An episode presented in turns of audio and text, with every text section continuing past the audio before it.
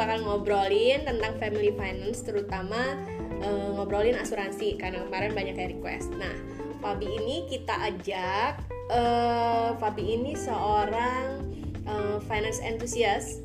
Motonya adalah atur receh, yeah, atur receh. Jadi ya, mungkin boleh ngobrol ngomong perkenalkan diri sebentar, Fab. Boleh boleh. Uh, halo netizen assalamualaikum.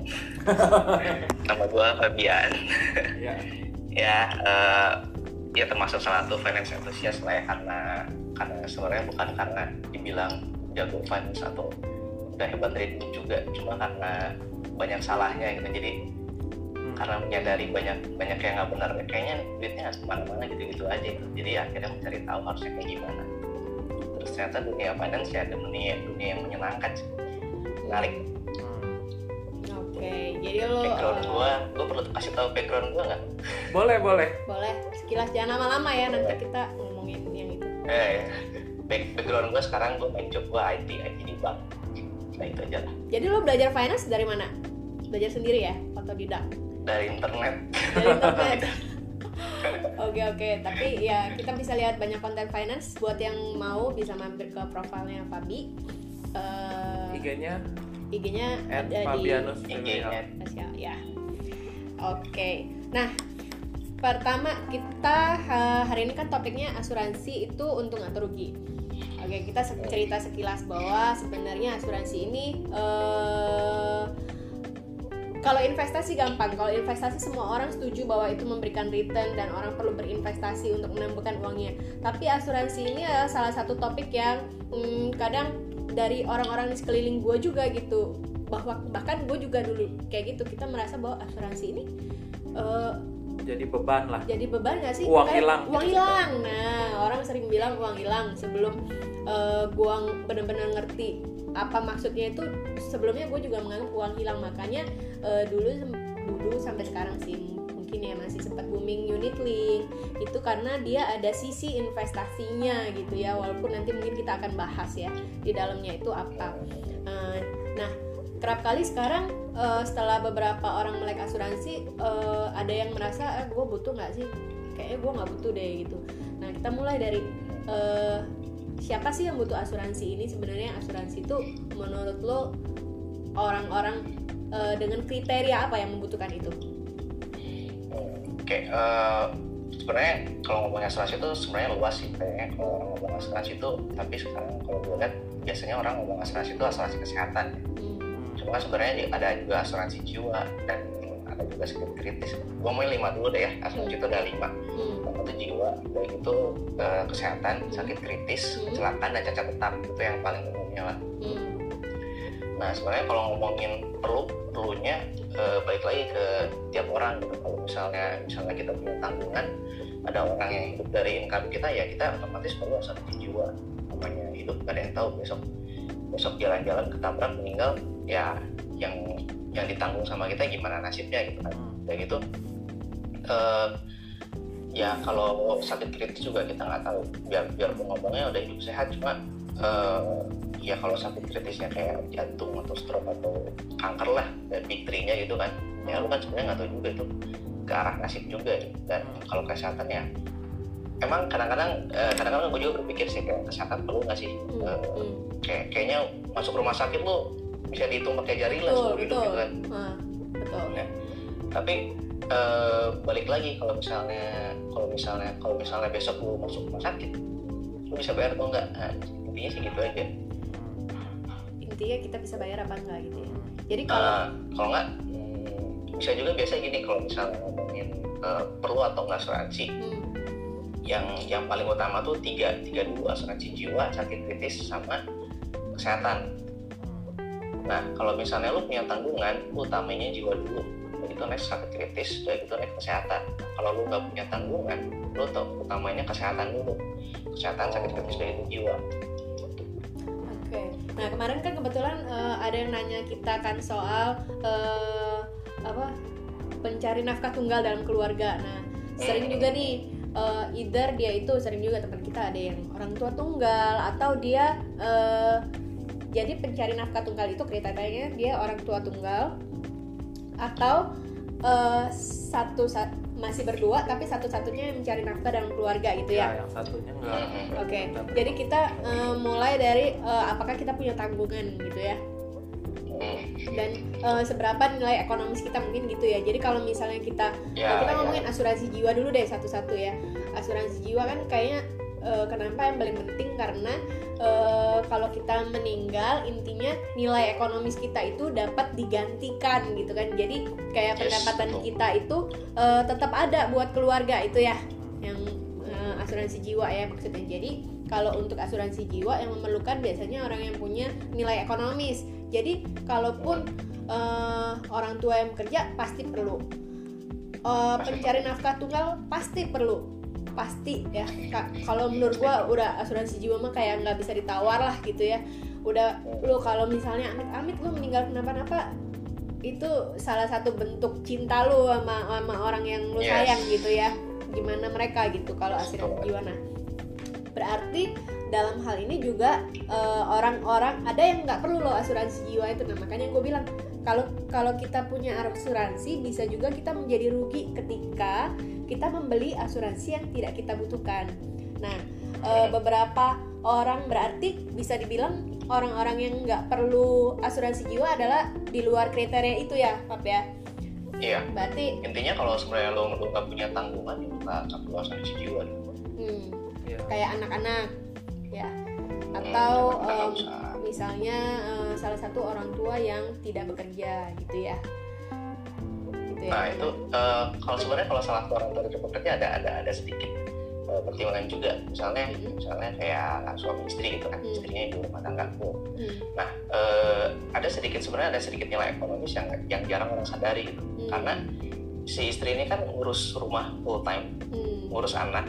Nah itu kan sebenarnya pekerjaan yang paling paling berat dan paling paling nggak ada gajinya lah.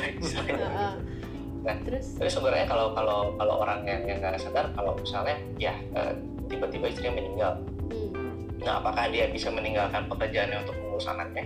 hmm, bisa. Nah, menjadi harus harus dipertimbangkan, dipertimbangkan juga kan. Ya bisa jadi kan jadi mesti eh, hire nanny lah begitu. Hire hire PRT berfungsi rumah ya yang bisa masak juga gitu kan. Jadi hmm, eh, ada nilai ekonomi yang sebenarnya terselubung kalau soal hmm, pasangan ya pasangan. Hmm, gitu. Jen, oke. Sama ini juga sih kemarin juga ada insight itu eh, untuk beberapa orang yang kalau meninggal ada seremoninya lumayan besar biayanya Mm. kayak Nah, iya iya. Ya. Iya. itu bisa juga. Itu biasanya kalau yang eh, adatnya lumayan kuat ya. Hmm. hmm, sama ini yang mungkin Eh, sama ini ya selain orang yang punya culture itu mungkin termasuk juga gue jadi kepikir orang-orang yang punya hutang perusahaan Ah, iya, misalnya juga, atau dia punya hutang usaha yang eh, kalau dia meninggal siapa yang lunasin? Ini personally gue punya temen yang kayak gitu yang papanya meninggal terus hutangnya banyak banget itu ya sebenarnya bisa eh, itulah fungsi salah satu fungsi penting asuransi ya. Termasuk kayak eh, biaya pemakaman eh, sama biaya balik nama warisan properti kalau ada ya kan hmm, kalau misalnya propertinya Iya. ada tapi kita nggak ada biaya properti kan nilainya mm-an berapa persen dari itu aja udah berapa gitu kan mungkin ada puluhan juta puluhan, ratusan juta. juta. gitu nah itu juga yang harus anggap aja gitu orang yang kita tinggalin nggak punya uang segitu even if mereka punya mungkin mereka kalau emang nggak punya uang cash mereka harus jual asetnya itu kan juga eh, Hmm. memberatkan keluarga ya jadi mungkin Iya. hmm, itu kunci-kunci untuk memilih asuransi jiwa ya. Kayaknya ya Hmm. untuk asuransi jiwa ya. Buat teman-teman nanti yang mau nanya langsung aja komen. Langsung komen ya. Oke. Nah sekarang kalau misalnya eh, asuransi kesehatan kan sekarang ada BPJS nih. Pap menurut lo gimana nih? Kita Iya. perlu apa nggak kayak agak tricky juga ya karena lu eh, Nah, ada iya. BPJS ini kalau gue ya kita pribadi sih ada ada eh, asuransi kesehatan swasta. Cuma pikir-pikir eh, itu kalau ada apa-apa kan. Cuman kalau lagi masa susah-susah kayak gini ya lu pikir-pikir ya kalau mem maksudnya adalah pembenaran kayak main duit itu gue setahun bayar berapa gue masuk rumah sakit juga belum tentu ada berapa puluh tahun ini gue masuk rumah sakit. Terus eh, lu juga ada BPJS even even if gue sakit gue masih punya asuransi gitu ya gue mau lah ngantri atau apa gitu toh kita di rumah aja Toh karena ini sejak corona ada beberapa teman kita tutup polis yang asuransi kesehatannya karena mereka ngerasa Oh. uh, biayanya kan ada terus tiap tahun Hmm. sementara mungkin nah ya kayak gitu sementara kalau nanti dia join lagi mungkin umur udah berapa nggak tahu tuh mm-mm. hitungannya udah beda kan Nah. sebenarnya. gitu menurut lo gimana, Gimana? kalau misalnya eh, let's say kita punya uangnya ya nggak apa-apa lah ya maksudnya orang kaya misalnya terus dia jarang sakit sehat terus dia merasa ah gue masuk rumah sakit ya udah gue bayar aja ya udah nggak usah ngomong lah ya kayak itu misalnya dia ngerasa kayak dia bisa bayar gitu. Tapi mm, buat yang ekonominya ya biasa lah gitu. Menurut lo gimana nih? Perlu apa enggak dalam arti kita bayar premi juga kayaknya sanggup sih tapi kalau misalnya uangnya bisa dipakai buat yang lain yang lumayan juga. Sebenarnya kalau kalau main BPJS dulu ya kayak BPJS itu udah udah udah kayak asuransi paling murah dengan dengan manfaat paling maksimal sebenarnya. Cuma emang emang jeleknya kan dia uh, terlalu bertele-tele ya. Jadi eh, kalau gue sih balikin orangnya ya lu mau nggak sih eh, ngantri ngantri di BPJS gitu dengan administrasi yang lama dan lain-lain gitu. Kalau lo mau ya udah nggak usah nggak usah tambah lagi. Cuma mesti tahu keterbatasan BPJS itu kayak BPJS kan dibatasin sama obat-obatnya gitu gitu kayak eh, belakangan tuh soal berobat sakit kritis malah eh, planningnya di, di, di, dikeluarin dari BPJS gitu hmm. cuma sebenarnya ya kayak kayak jadi BPJS tuh lebih kalau dari gue yang menurut gue tuh lebih kayak eh, sedikit pasrah kepada pemerintah gitu soalnya kalau pemerintah tiba-tiba mengubah mengubah mengubah apa yang bisa di cover sama BP BPJS kita nggak banyak yang bisa kita lakuin kan. Nah kalau kalau misalnya dulu dulu kan ya BPJS full gitu kan semua penyakit di cover terus karena karena minus terus karena memberatkan pemerintah akhirnya beberapa penyakit kayak di take out BPJS dan itu bisa juga kayak obatnya dibikin dibikin yang ya yang generik semua gitu kan jadi ada ada ya mesti kita mesti tahu lah eh, BPJS itu keterbatasannya apa aja. Apa Nah, aja, kalau gitu. misalnya kita hmm, kalau misalnya kita itu ngerasa cukup nggak masalah ya udah nggak usah tambah. Tapi kalau misalnya kita ngerasa ah ini eh, BPJS kurang nih kayak Hmm. kayak kita perlu perlu satu yang lebih lah perlu cover lebih ya udah Hmm. bela asuransi swasta. tinggal nanti kita hitung-hitung aja gitu ya yang mana ngambilnya Hmm, itu tinggal plannya hitung gitu yang mesti punya sesuai sama budget juga ya. hmm. sebenarnya bisa bisa bisa dibilang gini sih kalau kalau uh, gue ketemu beberapa orang yang kayak yang ngerasa ah gue berat bayar premi kayak gue nggak ada duitnya bayar premi nah sebenarnya lo kalau bayar premi aja berat ya gimana lo masuk rumah sakit Hmm. oh masuk karena sebenarnya bayar premi kan ya bayar premi kan ya uh, let's say ya lima ratus ribu atau sampai satu juta per bulan ya Hmm. ya lo begitu lo masuk rumah sakit lo sejuta sejuta sebulan eh sejuta sehari lo udah udah kena Iya, Udah buat sense. kamarnya aja kan dia Iya. gitu Hmm. Hmm. Iya benar-benar. Jadi yang butuh eh, sebenarnya kalau kesehatan mah semua ya. Kalau tadi kan kita ngomongin asuransi jiwa siapa yang perlu yang punya Hmm. tabungan. Berarti kalau ini mah sampai anak kecil, sampai orang tua pun semua perlu ya. yes Nah, asuransi kesehatan nih agak-agak apa ya? eh, banyak banget pertimbangannya ya. Mungkin nanti lu bisa cerita karena kadang-kadang ada juga yang orang udah dapat nih dapat BPJS dari kantornya, dapat asuransi swasta dari kantornya. Masih perlu nggak sih punya lagi gitu. Nah, terus banyak sekali kan kalau asuransi kesehatan itu eh, yang males baca polis lah ibaratnya gitu dan pasrah Ya, sama ya, ya. agent. Nah, jadi kadang-kadang menurut gua pengetahuan baca polis juga penting ya karena kadang-kadang kita nggak tahu juga yang Ya. dari dikasih kantor itu udah cukup atau belum gitu kan ya betul betul betul Walaupun ya udah baca baca polis juga kadang gue nggak ngerti Nggak ngerti penyakitnya juga. apaan. gitu Iya. bahasanya kan kedokteran semua gitu apalagi ngomong-ngomongin eh, stage-stage-nya gitu kadang gue juga tanya paman gue dokter juga dia belum tentu ngerti juga gitu kadang iya iya iya jadi istilahnya memang kadang-kadang berat kan. Hmm, cuma eh, sebenarnya gini juga sih kalau kalau misalnya ngomongin dapat gue udah dapat asuransi dari kantor. Nah Hmm. itu tuh perlu diingat sebenarnya itu tuh bukan asuransi yang nempel ke diri lu tapi nempelnya ke jabatan lu. Oh iya ya jadi ya bisa bilang ya tunjangan itu sebenarnya kan bukan asuransi. Gitu. jadi Hmm. perlu diingat tuh misalnya eh, ya lu mau mau kerja di perusahaan itu berapa lama?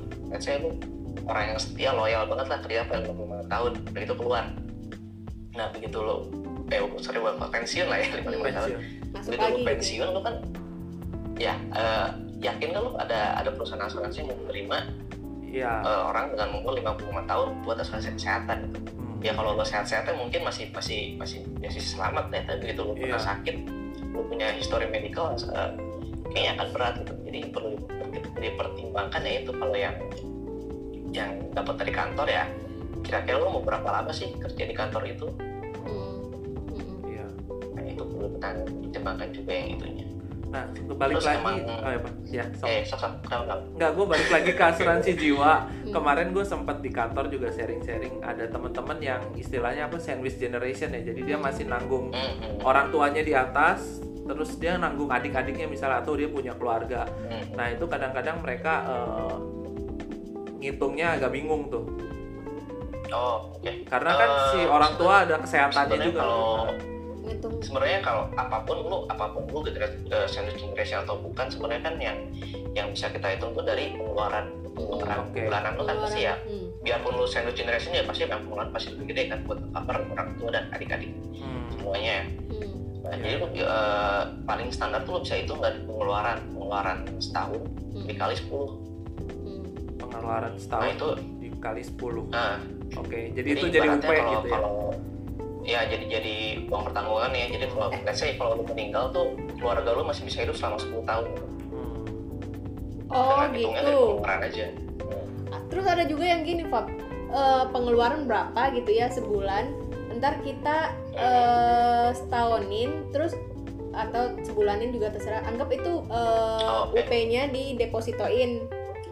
Nanti bunga depositonya itu segede yang gitu. Bisa juga kayak gitu. Ya itu bisa cuma eh, berapa kali gua ngitung kayak gitu itu costnya tuh bakal gede banget Hmm. nah Ah, iya. kalau kalau kalau gua ada sedikit rules kalau misalnya lu mau buka asuransi Hmm. premi lu tuh jangan jangan lebih dari 10% dari income lu Oh, atau maks, maks, maksimum maksimum kalau misalnya lu benar-benar sandwich generation yang berat banget kan 15% masih oke lah gitu. tapi jangan terlalu gede juga nanti kan ujung-ujungnya ya lu akan kerja untuk membayar premi asuransi itu nggak nggak Oh, nggak 10%. nggak tepat juga 10% gitu Ya. dari 10 sampai 15 persen ya emang sel- total Ah. seluruh asuransi yang kita bayar itu kan memang eh, secara lo 10 sampai 15 persen termasuk eh, udah ada semua semua asuransi di dalam situ kan. semua semua Mm-mm. semua di dalam situ. Oke. Nah biasanya kalau kalau pakai yang hitung hitung apa di, di setahun itu di istilahnya kayak dimasukin deposito gitu itu eh, pasti itu akan jadi banget sih. Eh ada kok Hmm. Bisa dapat. kita, kita beruntung berarti penghasilannya cukup lu tau nggak buat Eh, ngejar Kan dia itu. dari penghasilan soalnya. Eh dari pengeluaran ya? Dari pengeluaran kali 10 dia. pengeluaran Dari ya. pengeluaran, Ya. pengeluaran, Oh. Kalau Kita kita penghasilan ya. Eh tadi gue salah jelasin berarti. Jadi Kita penghasilannya. Jadi anggap UP itu didepositoin lebih lu pakai lagi. angka deh contohnya. misalnya ya penghasilan 10 juta per bulan berarti setahun teh 120 juta berarti kita UP-nya teh harus sekian kalau nggak salah anggaplah eh, Jadi 120 juta itu bunga Bunganya depositonya setahun. setahun. Iya iya iya. Nah, Kayak itu gitu Itu ya pasti lu gede banget ya kayaknya ah, rumusnya berapa ya? Iya Gede banget sih kalau nggak salah jadi berapa, berapa M. ya? sesuaiin aja sama suku bunga sekarang kan kalau deposito masih Apalagi Yes, sekarang deposito kecil. kalau Iya, dulu ada gede Ya, deposito bisa kecil. bisa 6 sampai 8% kalau di BPR kan. Kalau oke oke jadi itu ya opsi Nah, tapi sebenarnya kalau kalau model kayak gitu eh, ada dengan catatan ya, dengan catatan keluarga lu mengertinya soal investasi. Hmm. Nah, soalnya soalnya jangan sampai kayak eh, kalau kalau level-level apa level knowledge-nya gitu, knowledge-nya terlalu jauh, orang dapat uang tiba-tiba ya segede gitu. meninggal terus nggak- nggak dapat M, dapat MM-an lah ntar bingung mau dipakai apa terus kalau kalau belum biasa megang uang segede gitu pasti ujungnya bisa bisa, bisa habis dalam 2-3 tahun gitu. Nah, Sedangkan Tinggalin- kita udah udah mengaturnya tuh tinggalin buat surat. sekian tahun gitu kan. Hmm. Iya apa lu mau kasih tahu enggak sih, tapi menurut gua sebenarnya sama aja. Mau karena 10 kali pengeluaran juga dapat tiba-tiba uang gede loh pas kita meninggal si Iya, orang. gede, iya. Nah itu tuh gimana tuh? Lu ada pengalaman nggak? Pernah ada orang yang ini supaya uang itu pas diturunkan si UP itu nggak cepat habis. ada cerita nggak lu Pernah ada cerita kita sih solusi Oh. kita belum Eh, Gua sama dia sampai bikin surat wasiat tuh nggak sekarang. iya surat wasiat jadi kita tinggal ya sebenarnya kita bisa bisa bikin suatu wasiat sih Pak. Ah. Kalau- gue sih gue udah prepare sih gue udah kasih tahu istri gue kalau misalnya gue meninggal apa apa Tapi kan nih uangnya istri lu doang yang tahu. aja gitu. Istri lu doang yang tahu. Iya istri gue yang tahu. nah Istri misalnya amit-amit nih amit-amit pap berdua gitu nggak ada. Ah, anak lu belum ngerti. Terus tiba-tiba eh, lu ada yang enggak ini, ini ngomongin asuransi ini menarik nih. Lu ada yang tahu nggak selain istri lu? Lu, ngasu, lu punya asuransi apa aja? Istri gue Jiwa deh, istri gue jiwa. tahu sih punya asuransi. Jiwa jiwa, jiwa tahu selain istri lo ada yang tahu juga kalian punya uh, orang tua gue tahu sih orang tua oh. Iya karena karena sekalian kita ngobrol sini ya kayaknya penting banget buat uh, orang di sekitar kita untuk tahu kita punya asuransi hmm, ya gitu kan. Iya. Nyambung ke yang kemarin pesawat jatuh, keluarga iya, hilang. Itu kan gimana nah, kalau misalnya iya, iya. betul. Karena uh, kalau pernah gue baca dari salah satu konten uh, financial content creator juga bahwa kalau misalnya nih uh, amit-amit keluarga meninggal terus lu ada UP gitu ya. Uh, jadi UP-nya ini kalau nggak diklaim misalnya orang yang uh, apa penanggung apa sih yang dapat manfaatnya itu udah meninggal juga jadi misalnya yang dapat manfaatnya anaknya ternyata dia meninggal juga. Uh, itu UP-nya ditahan sama asuransi sampai ada yang mengklaim uh, mengikuti hukum ahli waris ya kalau misalnya itu memang bisa dibuktikan baru uangnya keluar gitu. Jadi buat teman-teman mungkin ada baiknya eh, nggak tahu gimana caranya lah biar maksudnya beberapa asuransi yang penting terutama asuransi jiwa ya mungkin ya biar biar uh, disimpan di tempat yang temen gue juga ada tuh disimpannya dia dia udah simpen dia nggak simpen disembunyi sembunyiin dia simpannya di lemari. Jadi kalau misalnya dia udah perhitungkan kalau misalnya dia ada apa-apa orang yang orang bongkar bis. itu ketemu. ya ketemu gitu. Itu sih ya kalau kita personally kita ada siapin uh, kayak surat, surat wasiat. kayak surat wasiat. Surat gitu. wasiat iya. Ya, karena kita nggak tahu kan apa yang surat wasiat itu maksudnya ya dan kita kasih tahu ke beberapa orang orang dan keluarga ter gitu. terdekat gitu. Teman dekat. Yang gitu. oke. Okay. terus uh, oke okay, jadi asuransi jiwa udah. Tadi udah nyinggung sampai berapanya ya waktu asuransi jiwa sama ini toh nggak ada lagi yang kadang-kadang uh, selain diri kita jiwa kesehatan uh, teman-teman gue ada yang nanya juga sih perlu nggak sih punya asuransi rumah asuransi mobil? Oh. kalau lu bisa bayar kenapa enggak ya? kalau kalau rumah lu kebakaran habis. Iya. Itu kriterianya apa pak biasanya uh, aset lu harus diasuransikan? Kayak yang punya toko misalnya? Uh, ya pasti sih kalau misalnya punya toko punya gudang biasanya kayak gitu kan kalau gudang berarti masuk uh, uh, nilai ekonomis ya? Berarti kan wajib diasuransikan. Wajib diasuransikan. tapi kalau misalnya kalau, rumah kalau kan gudang kan biasanya dengan sisinya kan? Hmm. sisinya mesti di cover juga. Tapi ya ini kalau kalau lu dapet bisnis ya, ya kayak gue rasa sebagian besar mungkin paham lah ya. Hmm. kan kadang-kadang ada sedikit yang suka nakal juga. Oh main uang asuransi di, kayak kebakarannya di rekayasa gitu iya, ya? kadang-kadang suka ada gitu. Wah ini ada pertanyaan nih.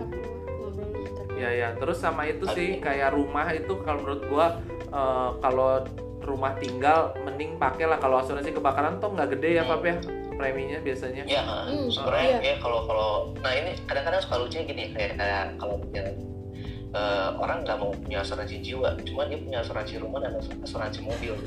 Nah, iya. lebih sayang mobil sama lebih sayang sama rumah sama mobil daripada sama jiwanya gitu. Oke. Okay. Nah ini uh, ada yang ini si Vina, ini Vina juga agen asuransi. Jadi dia bilang agennya perlu dikasih emergency kontak yaitu orang yang tidak berada di satu rumah. Hmm. Tapi memang ditanya sih biasanya ya itu. Aku juga Iya biasanya, itu, biasanya itu ditanya emergency kontak. Nanti biasanya dihubungin ya mungkin sama agennya ya kalau ada apa-apa waktu itu gue tanya ke agent gue eh bu kalau amit-amit gue meninggal lu gimana tahu gue meninggal? Misalnya nggak ada yang ngabarin. Dia bilang ya tunggu lo nggak bayar nggak bayar premi tahun, tahun depan. Nanti dikontak sama saya nanti. Aduh tapi Feb uh, itu ya uh, si si misalnya kita meninggal ada jangka waktunya nggak sih? Kalau berapa hmm. lama nggak ada yang klaim, klaim.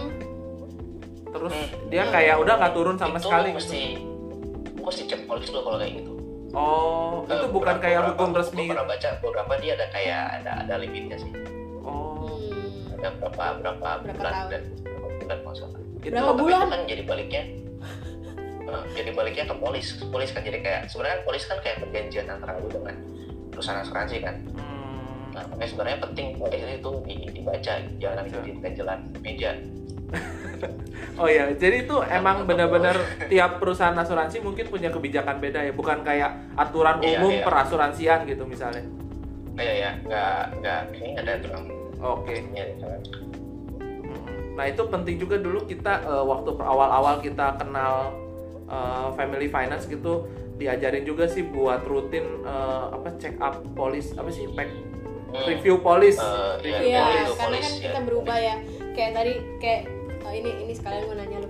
Kan kalau misalnya kita asuransi jiwa kan biasanya kita udah tetepin tuh dari awal. Kita udah ngambil untuk berapa tahun. Even if uh, dia term life, term life itu yang kayak cuman misalnya 20 tahun jangka waktunya kita bayar atau Hmm. whole life. Whole life itu yang biasanya cover kita sampai 99 tahun ya biasanya. Iya, Nah, biasanya kan kita udah menentukan tuh jangka waktunya selama selama itulah let's say biasanya sampai anak gua selesai kuliah or sampai sampai gua 99 tahun. Nah, di tengah perjalanan kita, kita biasanya ada yang berubah terutama kalau asuransi jiwa kan biasanya kita mengacu kepada eh, penghasilan atau eh, pengeluaran kita tuh kita ngitungnya. Nah, kalau misalnya tiap bukan tiap tahun lah, say ada perubahan signifikan gitu eh, gimana Pak? Kita harus rubah dong komposisi Oh, iya. polisnya. kalau kalau gue sih selalu nyaranin lu eh, tiap tahun review ya tiap tahun dan kalau ada ada ada ada event yang mengubah yang yang mengefek ke finansial lo contohnya kayak punya anak lagi gitu itu kan efeknya gede itu kan. Ya, Nah, atau misalnya ya ada ada event-event besar lah itu itu sebenarnya saatnya saat saatnya mau review polis gitu. Nah terus kan nanti angkanya bakal berubah signifikan nggak sih? Kalau misalnya Hmm. karena kan Iya ya, berubah signifikan karena kan Eh. misalnya pas kita dihitungin awal misalnya kita 30 tahun ya. And then kita pas review itu misalnya terjadi perubahan itu di sudah 35 tahun atau 38 tahun. Nah, itu kan eh, gimana tuh dia ng- ngilu- ngulang lagi dari dari dari costnya ya dari biaya asuransinya maksud lu ya Eh, anggap asuransi. nah sebenarnya kalau kalau kalau dari biaya asuransi sebenarnya kan emang tiap tahun juga kita ya pasti naik sih Cuman kan naik udah di semua semua lu mau asuransi tradisional mau unit link juga sebenarnya tiap tahun pasti naik biaya asuransinya. Nah sebenarnya ya, ya tinggal cek lagi aja kebutuhan lu uh, kayak gimana gitu. Tapi eh, jangan modelnya lu langsung main hajar untuk polis buka baru ya. Hmm. oh. Soalnya bisa jadi kan ya jadi jadi jadi eh, terutama ya kalau misalnya unit link aja lu tutup, tutup polis buka baru kan lu jadi kena biaya akuisisi lagi kan. Hmm. Belum nah udah lagi gitu ada ya mungkin kayak polis lu nempel juga sama misalnya sama sakit kritis juga berarti lu yang mesti ada tunggu lagi gitu. Jadi eh, ditambahin aja gitu dari dari misalnya sekarang lu UP-nya 1 m gitu. Hmm. nanti eh, tahun depan lu hitung-hitung oh aku cuma Polis 1,5 baru. m. Tambah nah beban. 500 jutanya tinggal tinggal itu aja add-on-nya lagi aja. Berarti lu kurang 500 juta kan? Nah jadi lu tinggal bisa buka buka polis barunya ya udah buat senilai 500 juta Tapi ini misalnya pendapatan yang berubah misalnya ya. Dulu gua sama dia 50-50 misalnya penghasilannya. And then at one point dia jadi 100%, gue jadi 0%. Nah, berarti kan selain dia yang harus upgrade, itu kan gue juga sebenarnya downgrade.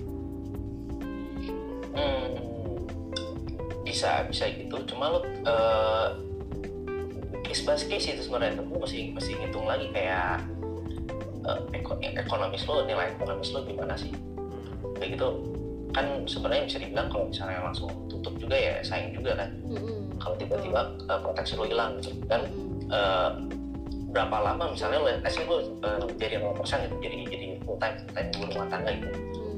nah mau mau sampai kapan jadi ibu rumah tangga kayak pasti banyak considerationnya lah kayak Mm-mm. nah ini sebenarnya serunya dunia asuransi itu lu nggak bisa nggak bisa atas otak lu gini gini gini gini Iya, nggak bisa betul. kayak gitu karena karena tiap tiap orang dan tiap keluarga tuh pasti beda-beda spesifik Mm-mm. beda beda iya sih cari nafkahnya beda-beda.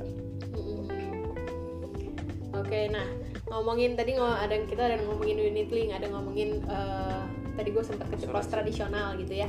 Nah mungkin bisa lu jelasin sedikit ya tradisional vs unit link. Hmm. Even eh, jadi eh, asuransi jiwa apa pun itu sama asuransi kesehatan biasanya ada yang eh, unit link sama tradisional. Setahu gua kan unit link itu di dalamnya sebenarnya sudah ada asuransinya. Jadi kita bayar cost of insurance-nya plus misalnya kita bayar 500.000 ribu bayar cost of insurance-nya misalnya 200.000 ribu, 300 ribunya dia investasiin gitu kan.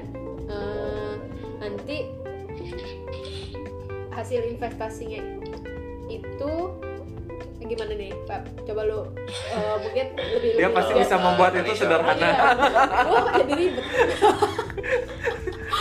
kalau gue tadi tadi tadi tradisional dulu ya tradisional kan kayaknya eh, simple lah ya kayak kita pengen pengen, berapa- pengen UP berapa ya biar biar preminya udah biar segitu kan Hmm. Nah, kalau yang tradisional kan sebenarnya ada tiga tuh, ada whole life, terus sampai rumus 99.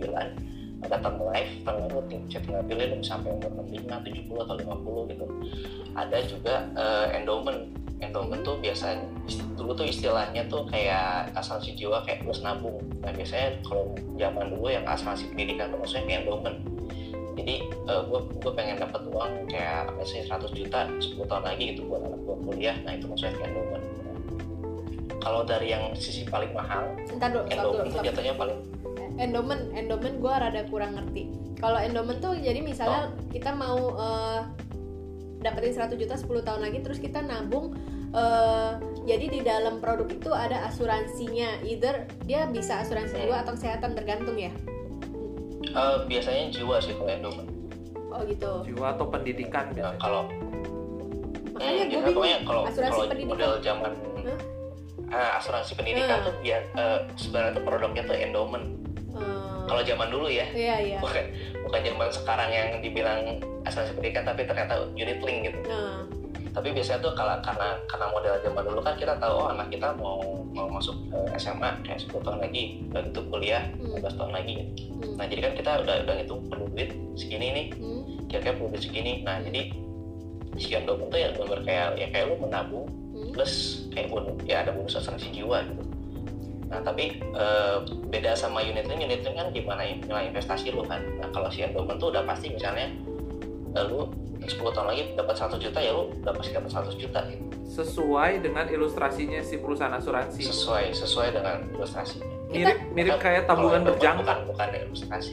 Ah ya mirip tabungan berjangka. Mirip tabungan Betul, Kita, kita nabungnya 100 juta juga nggak? Atau kurang atau lebih? Kurang harusnya. Kurang.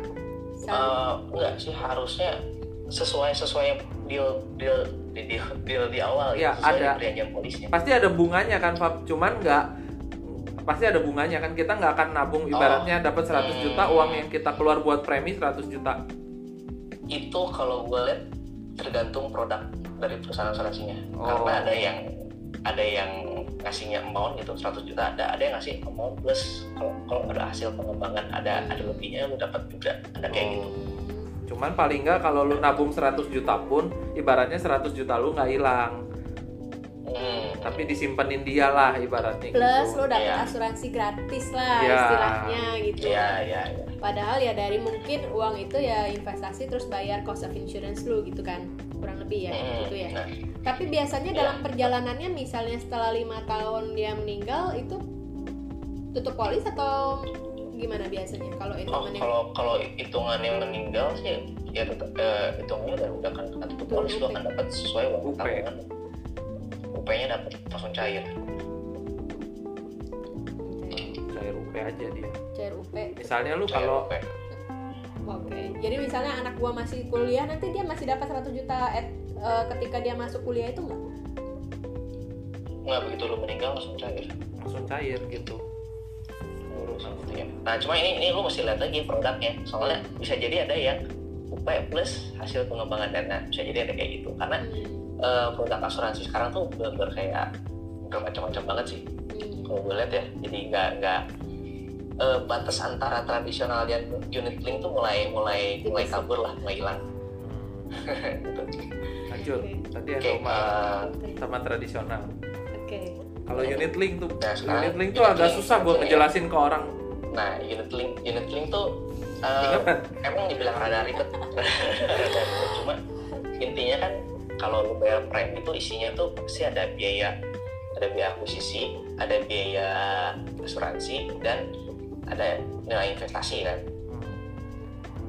Nah, sebenarnya model-modelnya tuh si premi lu tuh akan akan menjadi unit dulu unit ya unit tuh kayak kayak lu unit reksadana lah gitu kan Hmm. akan akan naik jadi unit investasi nah Hmm, si unit investasi ini akan dipotong buat biaya akuisisi dan biaya asuransi. hmm, hmm. Nah, kalau misalnya eh let's say premi lu, premi lu tuh 500 ribu, misalnya 300 buat asuransi, 200 buat investasi. Nah, ini sebenarnya jadi modelnya nggak nggak efisien kalau kayak gini. Karena si 200 ribu itu akan full masuk ke investasi. Hmm, Ya kalau misalnya lu lihat di polis tuh eh, masuknya bisa ke top up berkala. hmm.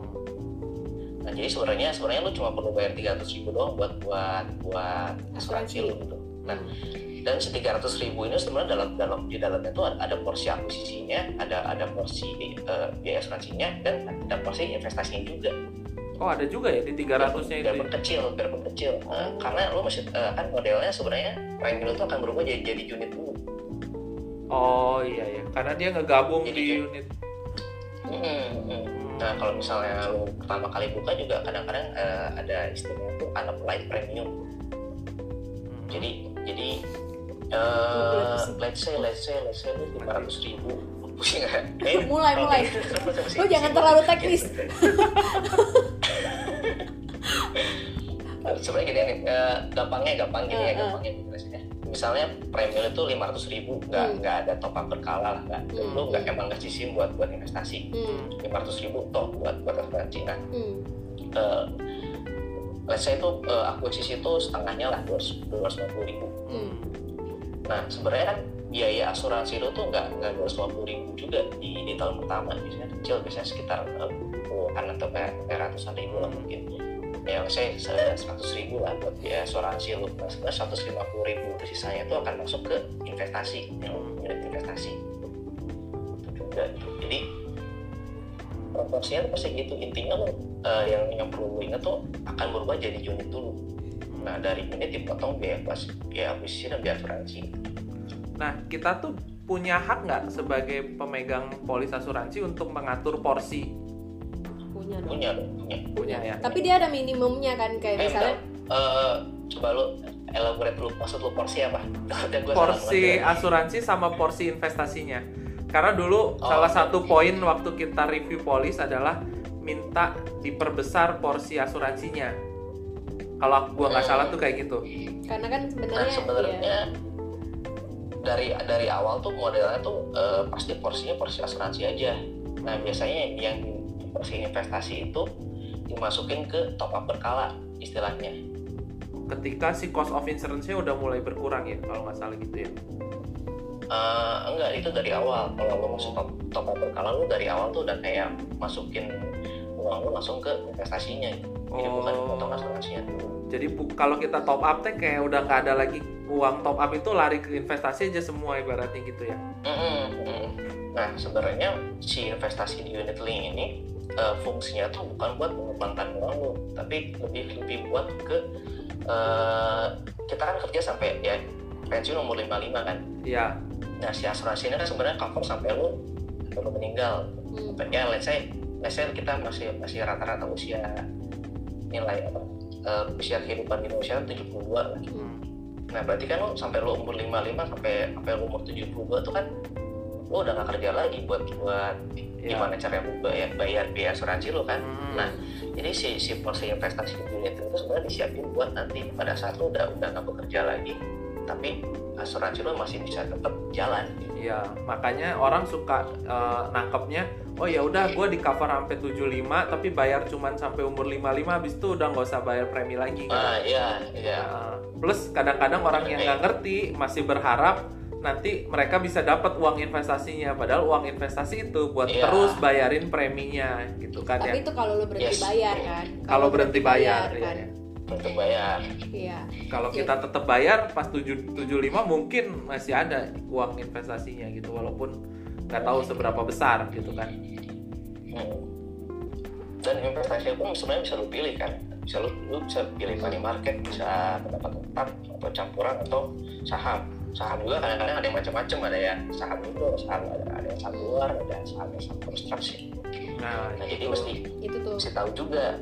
itu tuh yang yang iya tapi kan orang kalau beli unit link biasanya emang apa ya emang bu- emang mau ringkes gitu kan maksudnya Ya, kalau ya. misalnya lo udah ngerti fun funnya segala biasanya orang mau ya ya udah ngatur sendiri sih biasanya makanya biasanya kita nggak tahu makanya biasanya eh, biasanya ya nggak semua sih biasanya agentnya kan udah pilihin pokoknya ini masuknya ke fund ini biasanya gitu makanya mungkin eh, ya sempet orang em, kayak salah sangka lah waktu itu kan sama produk unit link. Oke, jadi gue rangkum ya. Jadi produk unit link ini sebenarnya di dalamnya itu ada asuransi sama investasi. Eh, makanya eh, sebenarnya bayar asuransi itu harusnya bayar terus-terusan gitu ya. harusnya. Yes. selama kita mau di cover kita tuh harusnya bayar asuransi. Nggak ada istilah bayar 10 tahun di cover sampai lu 99 tahun. Karena selama lu nggak bayar itu cost of insurance tetap jalan. Nah itu sebenarnya yang kita harus pertanyakan. Itu biaya itu dibayar dari mana gitu kan? Maksudnya lu Hmm. itu kan? Makanya kalau misalnya eh, sekarang ya semoga pengertiannya menjadi benar bahwa selama kita membutuhkan ya kita bayar emang eh, biaya asuransi. Nah kalau terkait produknya itu dikembalikan lagi ke eh, preferensi masing-masing sama budget ya. Tentunya kalau misalnya unit link kan memang dihitung-hitung lebih mahal karena dia ada porsi investasinya di mana porsi itu sebenarnya eh, akan berkembang sesuai eh, jenis fund atau investasi yang kita pilih gitu ya. Jadi kalau misalnya istilah yang kita bayar bayar 10 tahun nah bayar 10 tahun sisanya di cover berarti 10 tahun itu kita bayar full tapi investasinya dikembangin buat bayar sisa cost of insurance yang Sampai. sisanya gitu kan sebenarnya. Makanya orang tiba-tiba eh, bingung ini kok gue malah diminta top up atau apa ya? Itu karena fund di dalamnya itu mungkin nilainya sedang turun sedangkan cost of insurance Iya. kita semakin tahun itu semakin naik gitu kan ya. Jadi Yes, kadang kayak sekarang gitu kan ya market lagi kayak gini sekarang udah membaik lah waktu kayak kemarin kan lagi turun makanya banyak orang yang kayak teman gue juga gue lihat nilai nilai tunai gue tinggal berapa gitu apa gue tutup aja gitu. Hmm. kayak karena itu sih dasar pengertian yang kayak gitu. mungkin Nah, orang nggak ngerti. Makanya kalau terlepas dari apa pun produk yang kita pilih kita harusnya eh, benar-benar ngerti gitu ya. Mau tahu.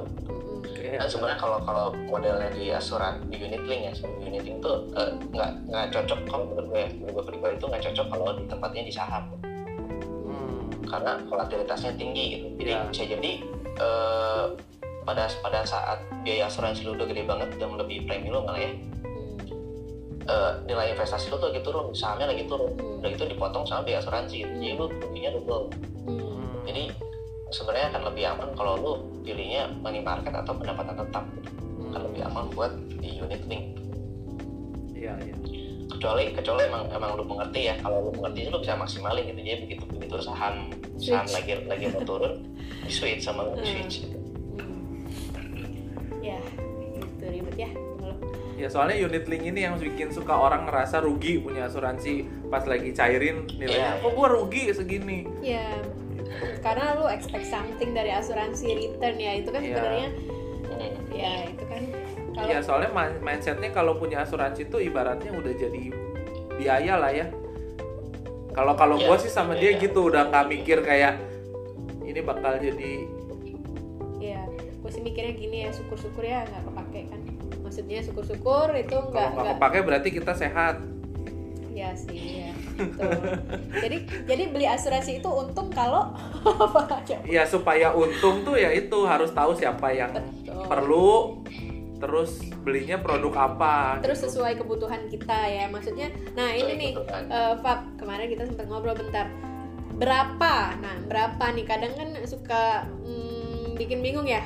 Terutama kalau UP jiwa mungkin udah rada clear lah ya Iya, karena udah patokannya udah jelas gitu pengeluaran atau penghasilan. Terus lu hitung berapa nanti lu dapat UP-nya berapa lu butuh preminya berapa nah eh, kalau preminya nggak cukup either lu harus turunin UP atau naikin pendapatan kalau misalnya jiwa ya jiwa kan rada saklek ya Yes, kan nah kalau kesehatan nih menurut lu ya hitungnya gimana karena gini kan Nah. aduh budget ya maksudnya ekspektasi sama budget nggak match gitu Iya, iya. gimana dong Kalau kalau kalau kesehatan pasti fokusnya lihatnya dari budget sih.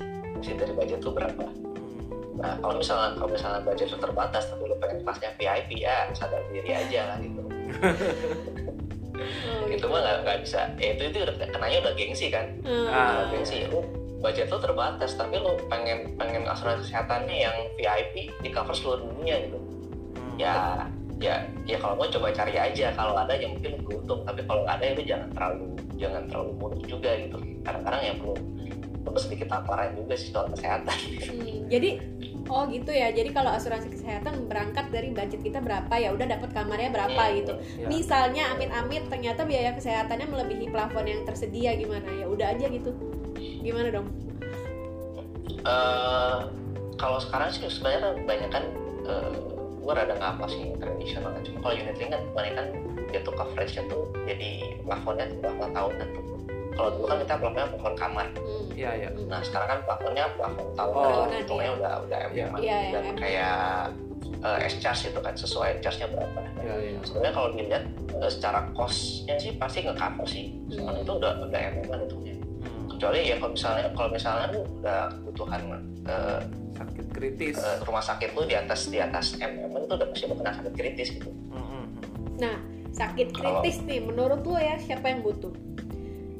Nah kalau sakit kritis menurut gua semua orang butuh Sejak kapan? Tapi mahal loh, Pak. Sejak kapan?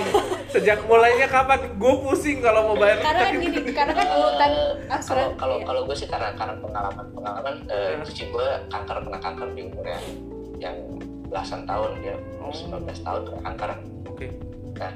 jadi jadi buat gue pribadi ya karena karena ada ada pengalaman ini ya eh, sekarang sih gue dari anak gue juga gue udah udah udah kasih sakit kritis itu karena nggak ada yang tahu. Hmm. kalau mungkin buat buat teman-teman yang yang masih belum punya pengalaman tuh bisa dilihat dari eh, historical kesehatan keluarga. Ada nggak sih kayak eh, omnya tantenya atau orang tuanya ada nggak sih yang yang pernah kena sakit kritis? Jantung stroke diabetes diabetes diabetes sebenarnya nggak nggak nggak kritis banget sih. Cuma biasa kalau diabetes kan repot ke mana-mana kan ada jantung segala gitu kan. Jadi kayak perlu tahu nih historical keluarga tuh pernah ada yang kanker cirrhosis atau apa gitu. Jadi kalau misalnya keluarga kita tuh ada yang ada yang sangat kritis nah biasanya ke ke kita dan dan anak-anak kita tuh akan menjadi gede juga risiko mereka kena sakit kritisnya. Nah buat buat yang yang historical kesehatan keluarganya ada sakit kritis yang mending dari sejak awal di cover. Soalnya ya emang costnya gede banget. Kayak dulu gue aja habisnya udah MM-an Tapi itu beranjak dari budget juga lah ya. Berarti tetap ya belajar dari budget juga kayak kadang-kadang ya lu Bayar asuransi udah berapa nih kita ngomongin ini, Pap? kita balik lagi yang tadi si Fabian bilang, no, kalau keluar ada tanggungan nomor satu jiwa dulu, dua kesehatan, tiga sakit kritis. Jadi urutannya itu ya. Kalau Kalau- kalau buat gue justru abis jiwa kesehatan sakit kritis dulu. Oh kritis kesehatan. dulu ya kalau punya tanggungan. Nah, Hmm. sebenarnya kalau kalau kalau kesehatan yang biasa aja kan misalnya ya lu jual mobil juga bisa lah gitu. Hmm. Tapi kalau lu sakit kritis mungkin hitungannya bukan jual mobil tapi jual rumah gitu kan. Hmm, Iya, iya. Nah, jadi secara secara Wah. secara cost kalau gue liatnya dari dari eh, kan ini kan asuransi itu kan sebenarnya proteksi dari resiko kan Hmm. Dari bisa dibilang atau proteksi dari eh, income income protection lo gitu. Hmm, Nah kalau kalau jiwa kan ya income gue bener hilang kan. hmm, kalau sakit kritis eh, income gue ya hilangnya bisa bisa satu tiga tiga lima tahun gitu kan nah kalau lu sakit biasa yang rumah sakit ya paling income lu hilangnya sebulan lah atau dua bulan gitu nah jadi resiko kehilangan gue liatnya dari resiko kehilangan income-nya Hmm. Terus sakit kritis nih juga ada uniting sama tradisional ya? Ada nggak tradisional? Tradisional. Eh, ada ada ada gue eh, tradisional biasanya dia covernya ke beberapa beberapa lagi kalau Oke. meeting ya lu kan bentuknya sebagai rider Nah, berarti Jadi sakit kritis kita biasanya cover sampai umur berapa? Sampai sampai nah tiap produk beda oke, jadi tergantung kebutuhan, budget sama Tergantung produknya ya. Nah, Terus Hmm, gitu. cuma biasa biasa yang mungkin umumnya sekitar kalau gue ada ingat sih ada yang 70 80-an sih tapi kadang-kadang gue ada yang bilang sampai 90 juga di cover sih Hmm. Terus ngitungnya gimana, Pap? nah kalau gue ngitungnya pengeluaran dikali 5 tahun Ah, pengeluaran dikali lima Nah, tahun. nah, nah kenapa? sebenarnya kenapa 5 tahun karena eh let's say lu beruntung lah ada lu Biasa nggak lewat lima tahun anjing. semua semua kan lu perlu perlu masa masa recovery kan Nah, nah masa recovery itu kan nggak nggak mungkin satu dua bulan gitu at least minimal setahun atau mungkin ya lo- kalau paling lama 3 sampai lima tahun recovery-nya gitu Hmm. nah berarti ya lu mesti siapin ya eh, anggapan lu lima tahun lu nggak bekerja. Penghasilan Terus- kali terus kalau Pap. ya jadi eh, penghasilan atau pengeluaran lah pengeluaran nah sebenarnya ini bisa bisa bisa baik lagi nih dilihat dilihat nih lebih besar penghasilan atau lebih besar, lebih besar Iya, iya, pengeluaran Kalau penghasilan tuh gimana kalau besar pasak daripada tiang ini? itu udah nggak bener dari awal itu harus diulang Iya, semua. sebenarnya mesti dilihat gitu mesti dilihat lagi ke tiap tiap orangnya kayak gimana Hmm. cuma gue sih hitungnya lima tahun. Dengan ya dengan catatan misalnya lu nggak punya kesehatan kesehatan ya lu mesti mesti gunakan sebagian buat pengobatan juga Oke, satu lagi. Nah, kan lu bilang anak lu lu kasih juga tuh sakit kritis, sementara kan dia tidak punya nilai Hmm. ekonomis. Juga lu cariin lima tahun. Kalau lu kan mungkin bekerja ya, lu anggap lu tidak bekerja Hmm. selama lima tahun. Tapi kalau misalnya anak lu untuk UP-nya lu hitungnya gimana? Kalau gue gue hitung sama gue hitung cover cover lima tahun. Tapi eh, kalau buat hitungannya anak gue kan tapi bukan bukan buat ya sebagai pengganti income ya tapi buat eh, buat pengobatan aja. Tapi gue gue ngitungnya lima tahun. Kalau misalnya eh, sakit kritis yang eh, orang dewasa lah ya, orang kita misalnya memiliki nilai ekonomis dan bekerja, itu kan eh, lu bilang sebagai income protection. Itu kan karena dia karena sekali jepret keluar kan, kalau biasa penyakit kritis itu ya UP keluar. Nah, itu biaya pengobatannya gimana? nah lu udah punya asuransi kesehatan atau belum kalau lu punya asuransi kesehatan kan ya eh, maksimalin aja asuransi kesehatan lu nah ini kan eh, anggapnya lu dapat lamsan di depan kan nah kalau misalnya kekurangan bisa lu pakai Oh ya sedikit tambahan kalau buat anak ya. Nah sebenarnya ada konsiderasi kalau anak lu sakit kritis, apakah lu akan lanjut bekerja atau lu berhenti bekerja? Nah itu bisa juga. Oh. Kalau bisa Kalau bisa kayak- jadi kita kayak- fokus ngurusin gitu kan. Ya kalau kayak dulu dulu nyokap gua jadi berhenti berhenti bisnis, berhenti usaha buat ngurusin cucu gua. Hmm, itu juga harus dipikirin sebenarnya bukan bukan nilai ekonomis anaknya tapi nilai ekonomis orang tua karena orang tua kan ngurusin anaknya kan. Karena kejadian itu ya. Hmm. Seru juga sih. Banyak juga sebenarnya masih pink. Oke.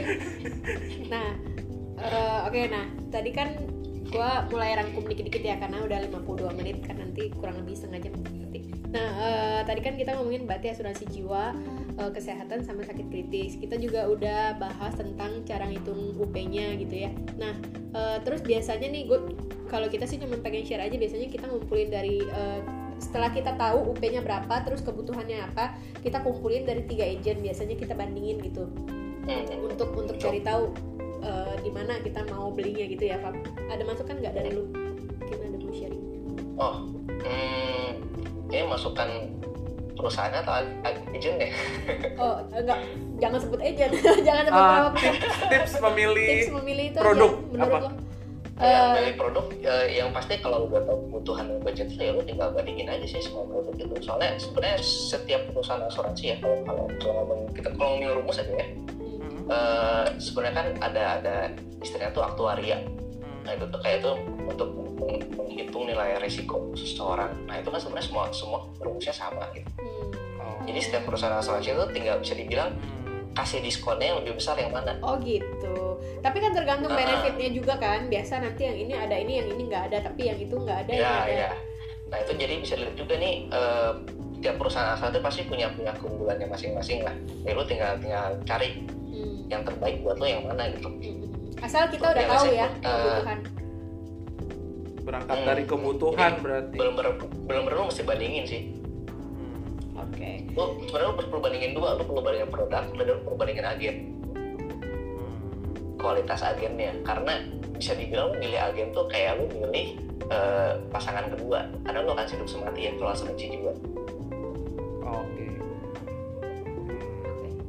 Tapi paling Eh sama ini tuh yang kemarin kita sempat ngobrol sekilas Pak, mungkin lu bisa cerita tips milih si perusahaan asuransinya. Kayak kemarin kalau perusahaan asuransinya Oh, tutup Oh ya, ini resiko. Ah, Jadi iya. gue bilang resiko berasuransi kan kalau kalau misalnya kalau hmm, pilih perusahaan asuransi bisa dilihat dari eh, laporan keuangannya ada ada kayak gue kasih susah ngasih lihat tapi di laporan keuangan tuh pasti biasanya tuh di pojok kanan atas tuh. Pojok kanan atas tuh ada ada tiba-tiba jadi lupa gue namanya solvabilitas rasio atau apalah itu Oke. solvabilitas Hmm. nah itu tuh eh, batasan dari batasan yang sehat tuh 120% nah lu cari yang di atas 120% Hmm. jadi itu tuh bisa bisa istilahnya jadi kalau misalnya si perusahaan asuransinya tutup semua asetnya tuh bisa buat mengcover sekian kali premi lah Hmm, jadi batasnya tuh 120% yang sehat Oke. Sip. Oke. Kayaknya kita menjelang-jelang udah mau beres ya. Hmm. Oke. Oke, jadi eh, kita rangkum sebentar bahwa kalau misalnya kita punya asuransi, yang jelas kita harus berangkat dari kebutuhan kita. ada yang juga berangkat dari budget kalau kebutuhan biasanya asuransi jiwa gitu ya uh, kalau misalnya budget biasanya itu asuransi critical illness sama kesehatan gitu ya uh, enggak critical illness juga dari kebutuhan tadi dari kebutuhan juga dari Oh, iya. Kesehatan yang tadi. Setelah kita tahu kebutuhannya membudgetnya kita kumpulin eh, kita pilih dulu nih prefer yang unit link tradisional asal kita tahu produknya dan resikonya gitu tergantung preference masing-masing gitu ya. Habis itu kita kumpulin eh, beberapa eh, penawaran dari beberapa perusahaan asuransi dengan eh, rasio yang bagus yang di mana kita bisa temukan di Iya. laporan keuangan mereka gitu ya.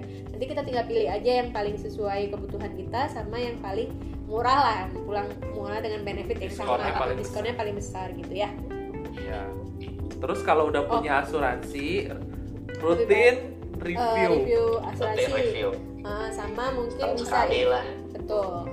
Sama bisa infokan ke keluarga atau orang terdekat tentang eh, kalau memang diperlukan ya.